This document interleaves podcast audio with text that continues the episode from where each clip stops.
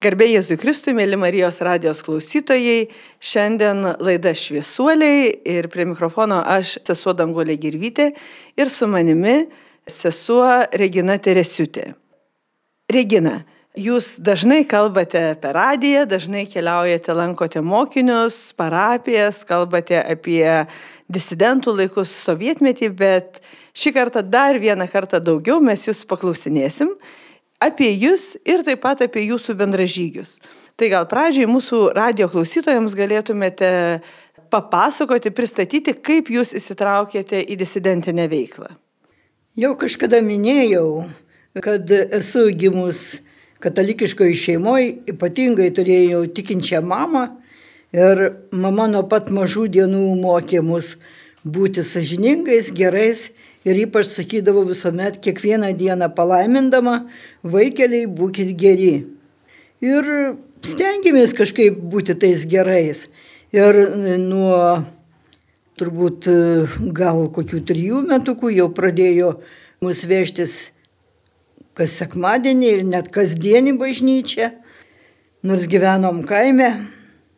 Ir taip mano tikėjimas, aišku, pamažu buvo dėgiamas į tą mažytę širdelę. Pirmoje klasėje jau persikraustėm gyventi į miestelį ir jau buvau gana nemaža mergaitė, antrokė, trečiokė, taip ir toliau. Susikūrėm tokį nedidelį mažą draugų būrelį ir kur eidavom kasdien jau į bažnyčią. Kaip visuomet buvau, nu, tas generolas kareivių, tų mažų kareivių.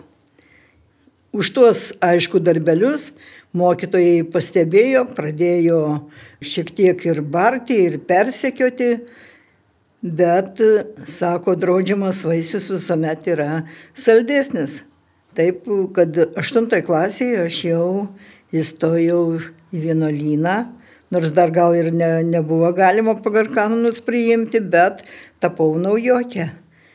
Čia būdama e, dar kelmiai e, susipažinau su aktyviais pasauliečiais, tai amžinos atminties Mečislavų Jurevičiumi, Jadvyga Petkevičiane, kurie buvo Euharistijos bičiuliai, viena iš mūsų sesių net, Genutė Blužaitė.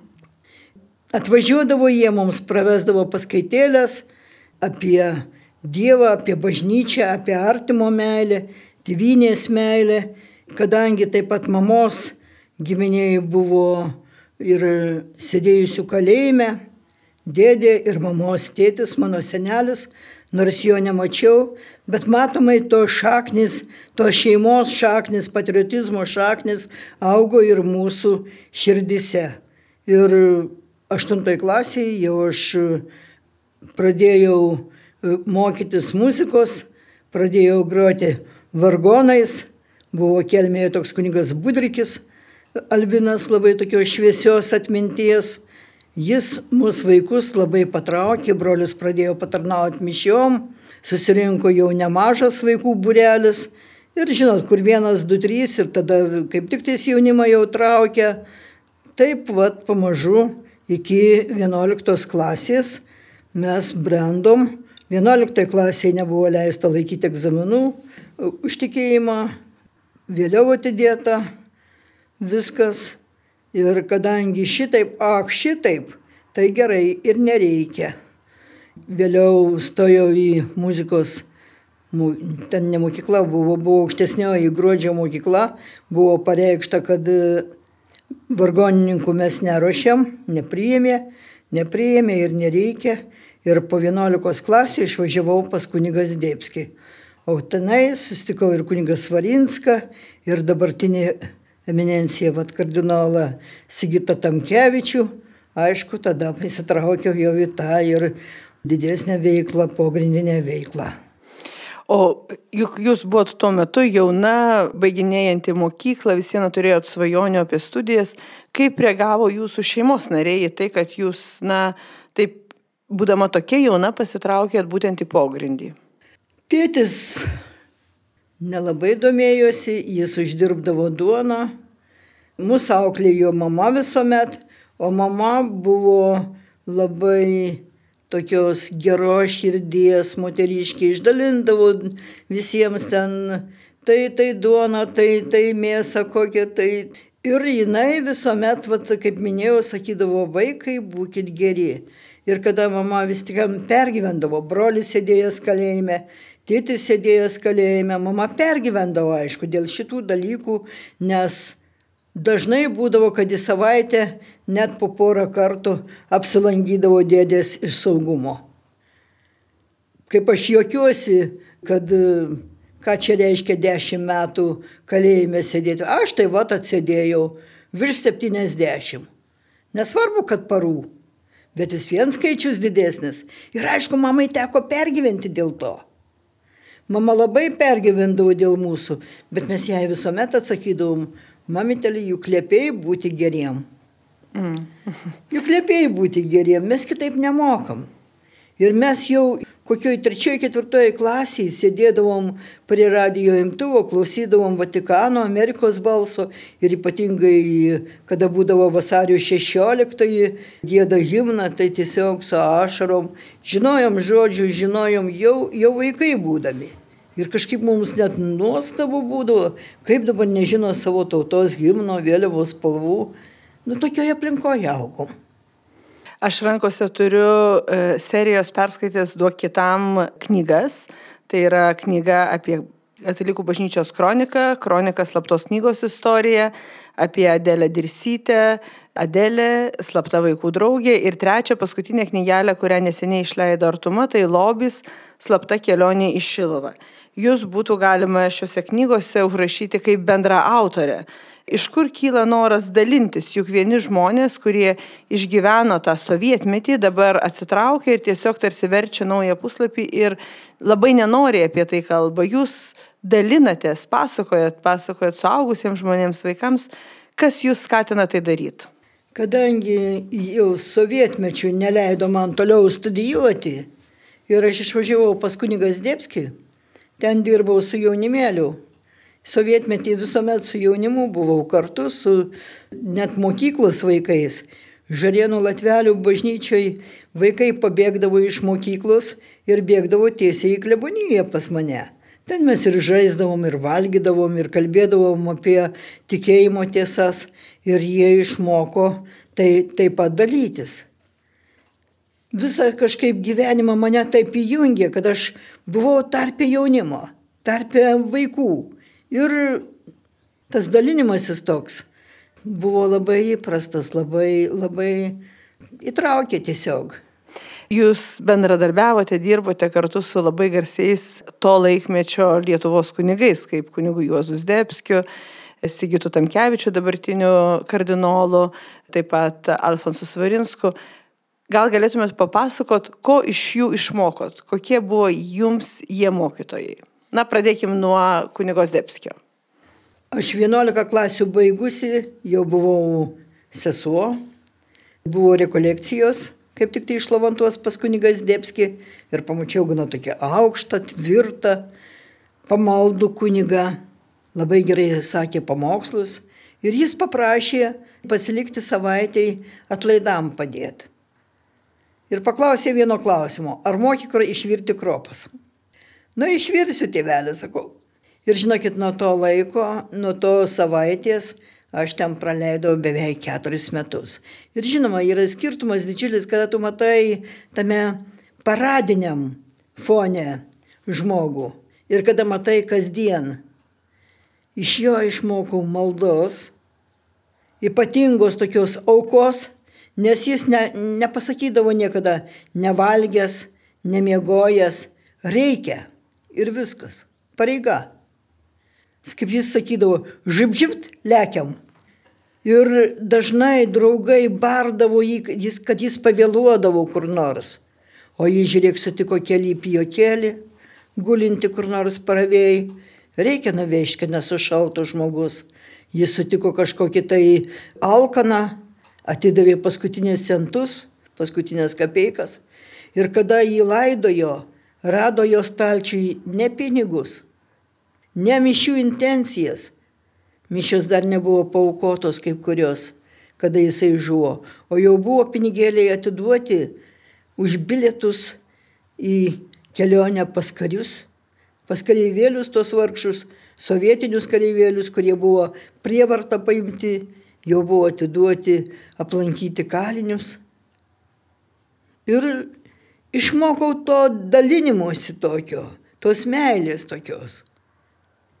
Aukos, ypatingai aukos. Ir nesigiriant nesunku man ir naktį atsikelti, žinai, kažkur nuvežti, kažką pavežti, kažkam padėti. Nes ką kunigas Juozas pasakytų iš dangaus, jeigu aš to nepadaryčiau. E, su mumis sesuo Regina Teresiutė, jūs klausotės laidos šviesuoliai. Mėla Regina, jūs dar bažnyčioje esate žinoma ir visi taip linksmai jūs vadina sesuo Pykšt Pokšt. Žinau, kad ši istorija gimė, kai jūs, jūs gyvenote šlavantuose. Kaip visą tai nutiko? Kada teko saugumo archyvuose pavartyti tuos puslapius apie save, ten radau pravardę Tina. Tai buvo jų slapyvardis Tina. Tai čia saugumiečiai jūs. Saugumiečiai taip vadino. Ir šlavantuos visi draugai vadindavo pykšt pokšt. O buvo labai paprastas dalykas. Išvažiavo kunigas Dėpskis į Rusiją pas tremtinius ir man paliko startinį pistoletą. Ir sako, vaikeli, jeigu jau kas nors puls prieš, šauk. Na ir vieną naktį kažkas pabeldžia. Klausiu, kas? Neatsako. Antrą kartą klausiu, kas? Neatsako. Trečią kartą beldžia, klausiu, kas? Neatsako. Atidariau duris ir šoviau. Ir kas ten buvo už durų? Ir žinokit, tik tai jis toks kažkoks keistas garsas. Ir, ir sako, Regina, Regina, Regina. Pasirodo mūsų vyresnioji sesuo Julija Kodytė ir dar dvi seserys. Sugalvojo papuoštautos jaunosios. Na ir nuo to vyresnioji praminė, ak, pikšpokšt.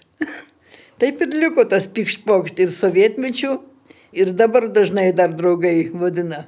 Tai čia buvo jūsų vardas tarp bendražygių, tarp, tarp disidentų. Taip pat vardus duodavo saugumas. Kodėl saugumas jūs pavadino Tina? Ar žinot, ar yra kažkokia Nežinau, istorija? negaliu pasakyti kodėl. Gal prisiūtė, tin, kad tina kažkas, kažkas panašaus, gal, gal jie turėjo kažkokį tai savo, bet e, įdomus toks faktas taip pat yra dar užfiksuota kunigos Debskio finansistė. Įsivaizduojate, kunigas Debskis neturi kapeikos prie savęs, Bet turėjo turi finansistę. finansistę. Labai gerai skamba. Taip pat e, jūs dažnai pasakojate, kad e, kartu su kunigu Svarinsku, taip pat čia su e, Euharistijos bičiuliais organizuodavote pilgriminės kelionės į Šiluvą. Tuo metu tai buvo draudžiama. Kaip įsitraukėte į šitą veiklą, nes čia jau tolokai nuo šlavantų? Dar kelmiai būnant mokykloje atvažiavo vat, mūsų dabartinė sesė vat, Genutė Bružaitė, Gemas Tanelytė ir Mečislavas Jurevičius. Ir įkūrė kelmėje Euharistijos bičiulius. Kadangi iš tų tokių paaugliukų buvau turbūt vyriausia ir drąsiausia, gal tuo metu pasirodė jiems tokia nagliausia, tai padarė tokį kaip vadovą. Aišku, koks čia vadovas, jeigu dar penktoje, šeštoje klasėje. Tai ir nuo to mes tikrai va, turėjom tos Euharistijos bičiulių įstatus ir vykdėm juos.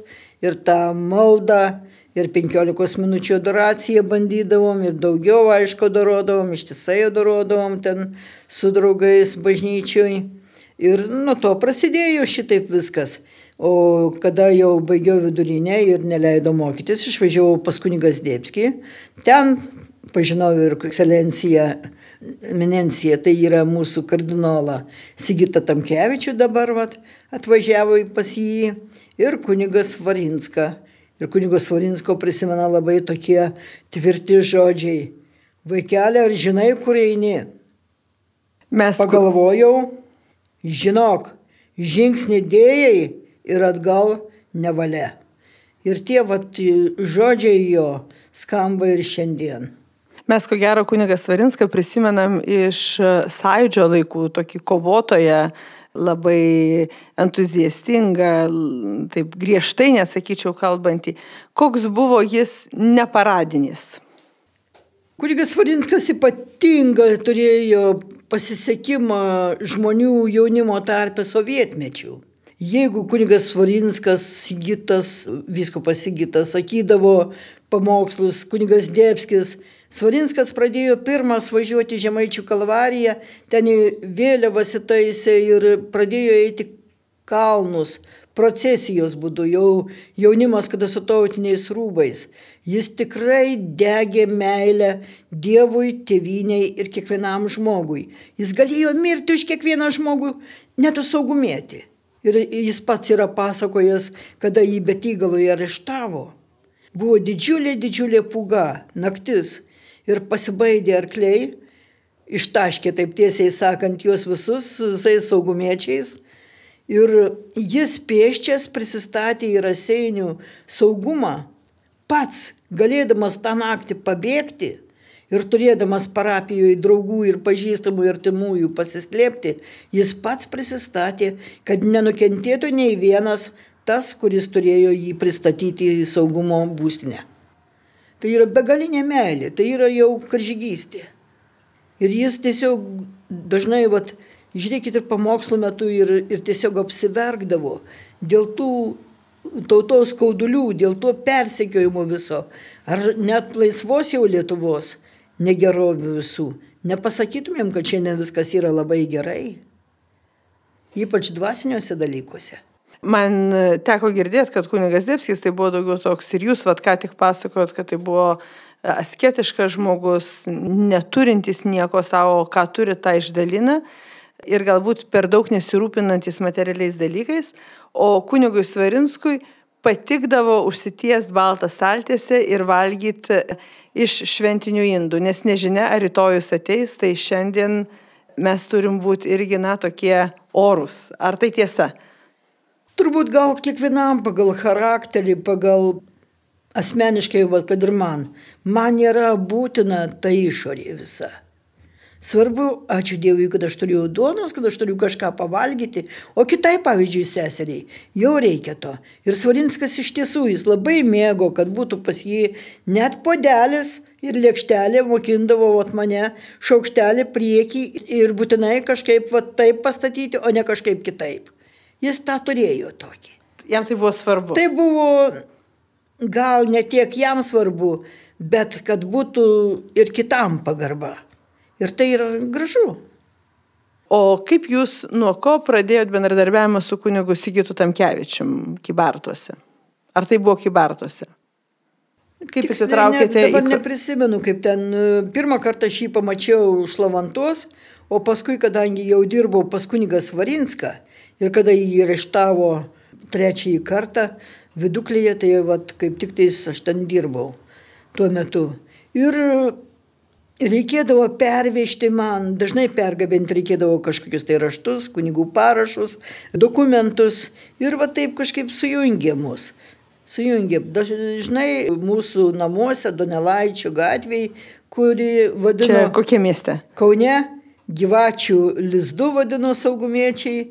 Ten dažnai būdavo ir parveždavau medžiagą kronikai, reikėdavo paskui pristatyti iki Bartus, tai va tekdavo dažnai važiuoti ir perduoti tą medžiagą ir, ir, ir taip kažkaip su, sujungė visą šitai.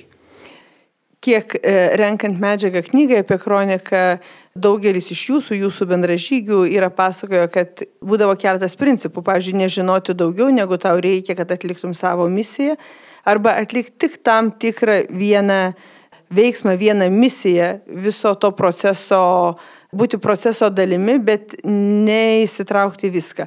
Koks buvo jūsų vaidmuo, kokia buvo mano jūsų daugiau, misija?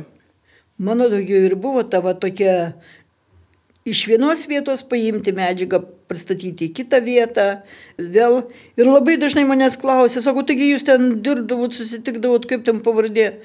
Nežinojomės.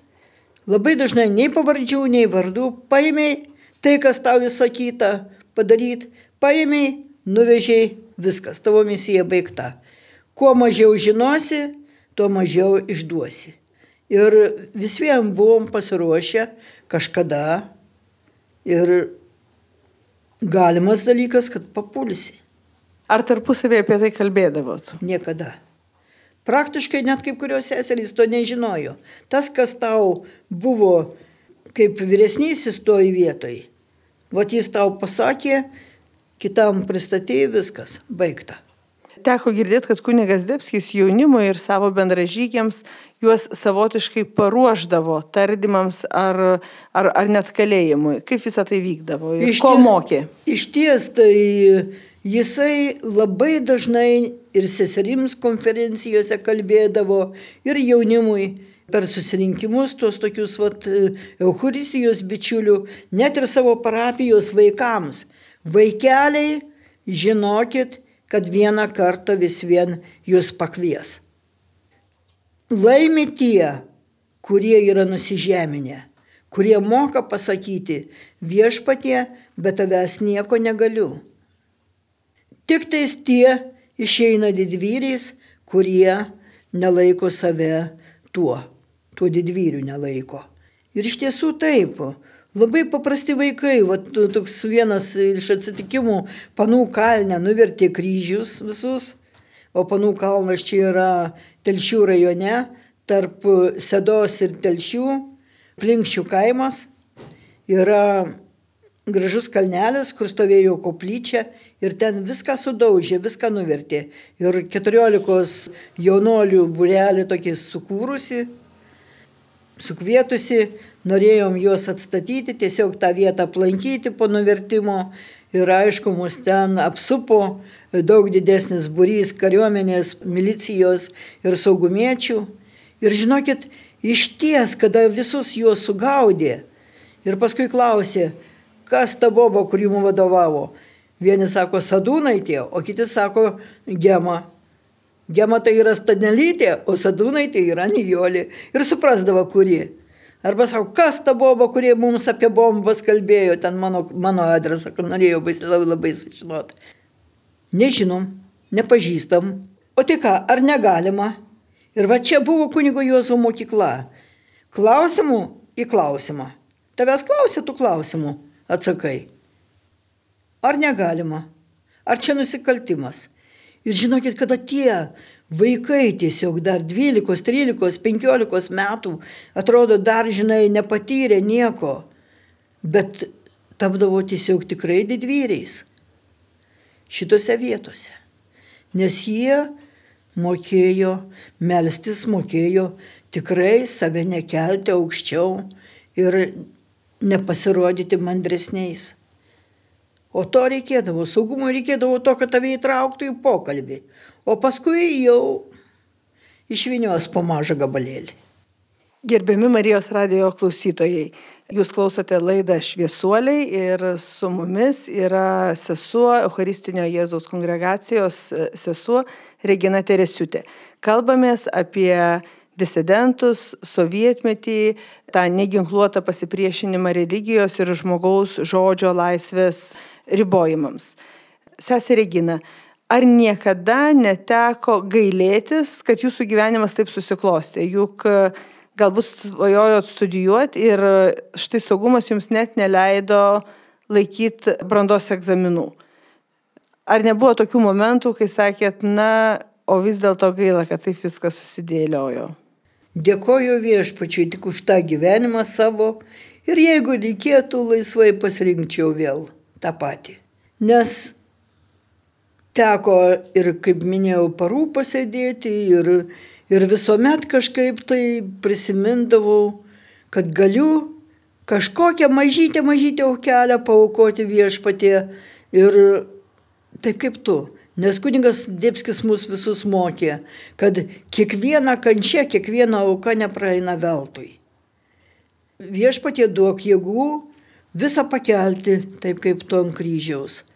Už savo tautą, už savo nuodėmės, už viso pasaulio nuodėmės.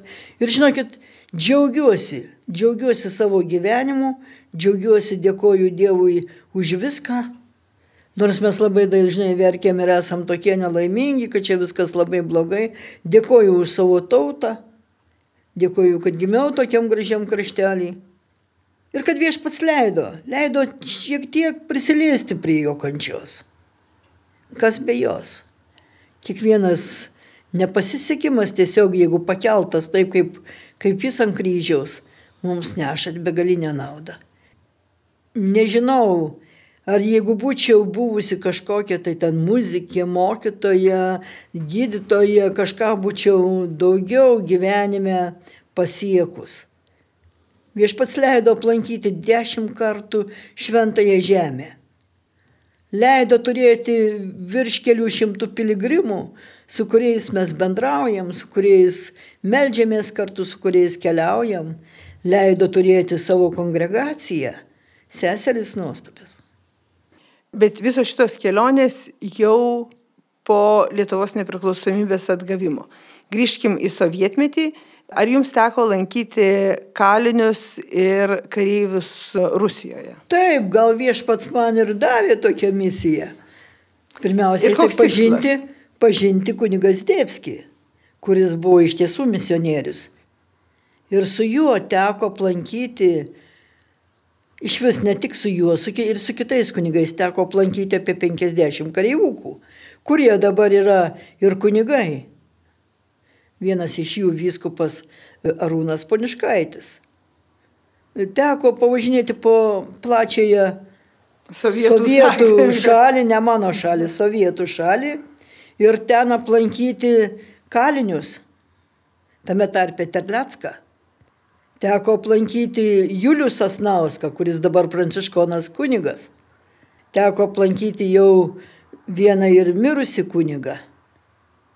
Iš tų vaikų, atsakau, 50, kurių, kurių lankiau su kunigus Dėpskiu, kunigu Puzanu Roku, kiti kunigai važiavo. Ir viena iš tų misijų buvo sovietmentį, tai siūsti kaliniams kaip tik tais ir siuntinius.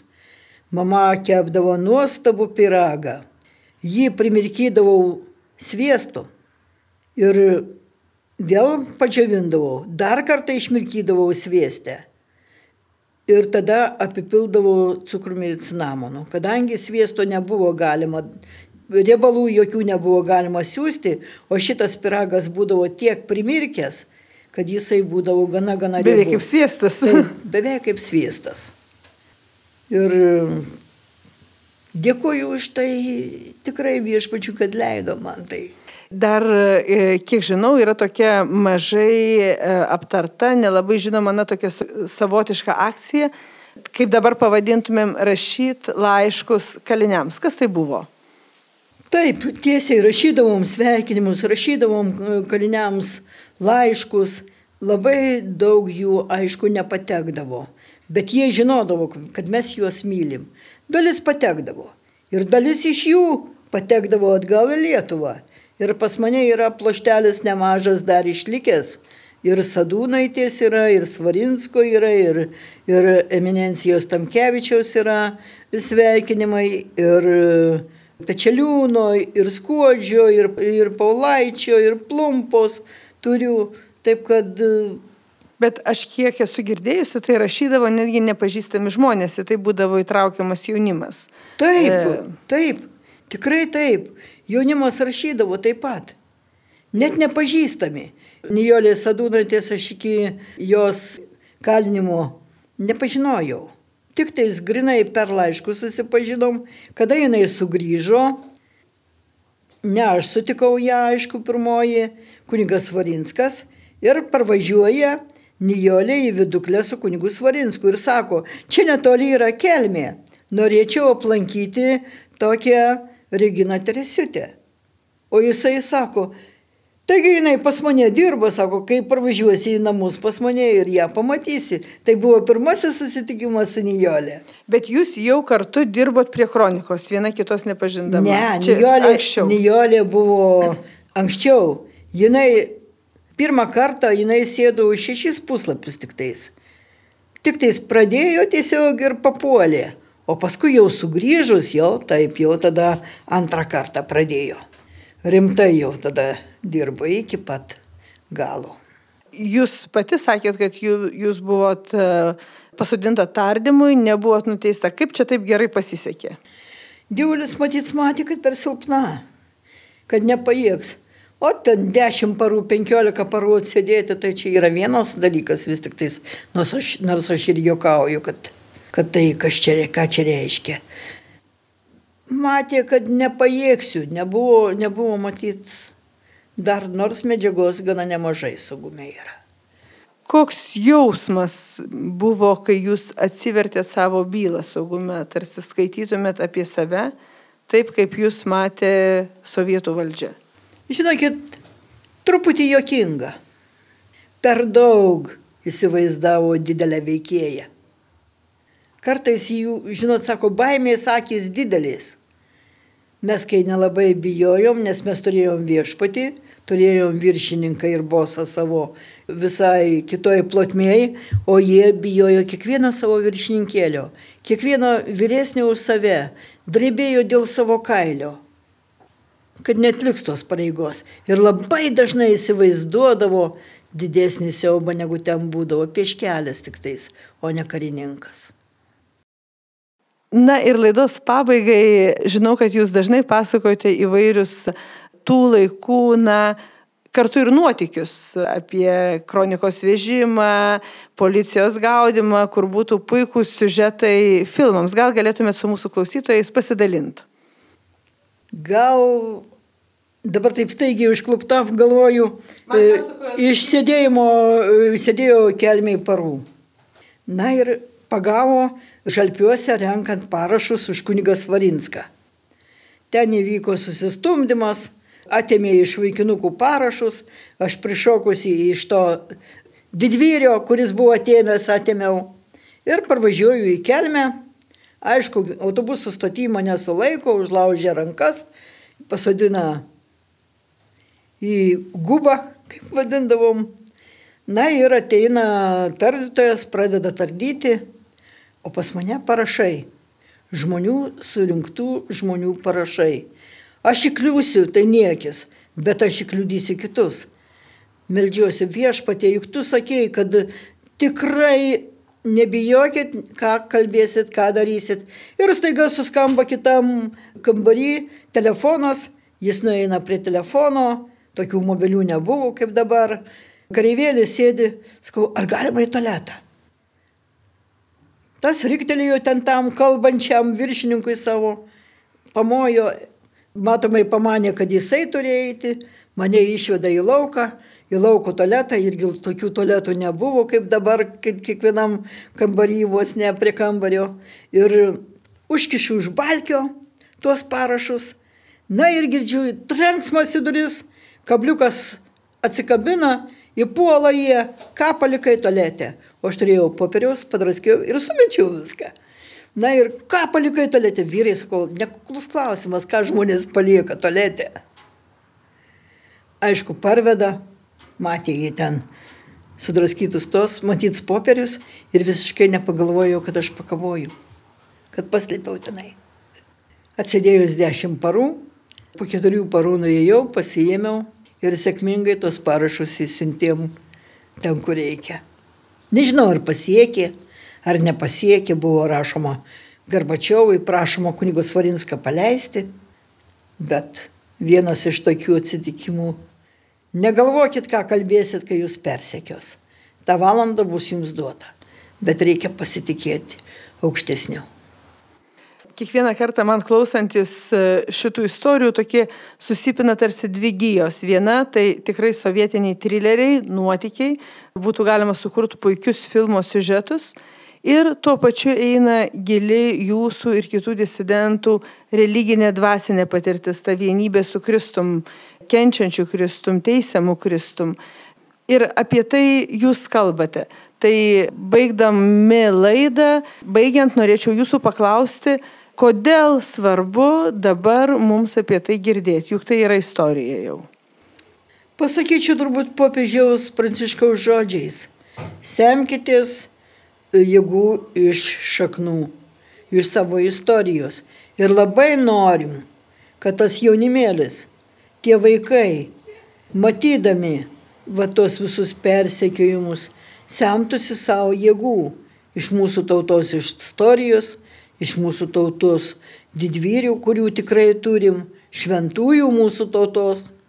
Jei nebūtų buvę tų persekiojimų visų, neturėtų Lietuva tiek šventųjų. Nesvarbu, kad mes turim vieną šventai, ten keletą palaimintųjų paskelbtų, bet mes turim tikrai tūkstančius užtarėjų dangui. Ir kad tas jaunimas va, tikrai semtųsi jėgų, kiekvienam savo darbelį, kiekvienam savo žygį iš tautos praeities iš tų didvyrių, kurie paukojo savo gyvybės už, už Lietuvą, už bažnyčią, už tikėjimą. Nuoširdžiai Jums dėkoju už e, šios pasidalinimus. Aš tikrai tikiu, kad jūsų pagalba leidžiant seriją perskaitęs duok kitam, jūsų edukacinė tokia veikla, lankant mokyklas, kalbant jaunimo grupėms, tai yra tikrai indėlis tokio pilietinio atsparumo stiprinimui, nes šiuo metu Ukrainos karo kontekste mes puikiai suvokiam, kad, na, neturim pamiršti, ką išgyvenom ir turim išlikti budrus ir stiprus. Tai tikrai labai ačiū, dėkoju seseriai Reginai Teresiutė, kuri liudijo mums apie savo patirtį sovietmečių. Ir baigiant, noriu taip pat pasakyti, kad Regina ne tik tai sovietmečių buvo tokia energinga ir gavusi pykšt pokšt pavardę, bet ir šiuo metu taip pat susitinka su mokiniais ir mielai dalinasi savo patirtimi su radio klausytojais. Dėkoju, sudė. Ačiū Dievui, sudė.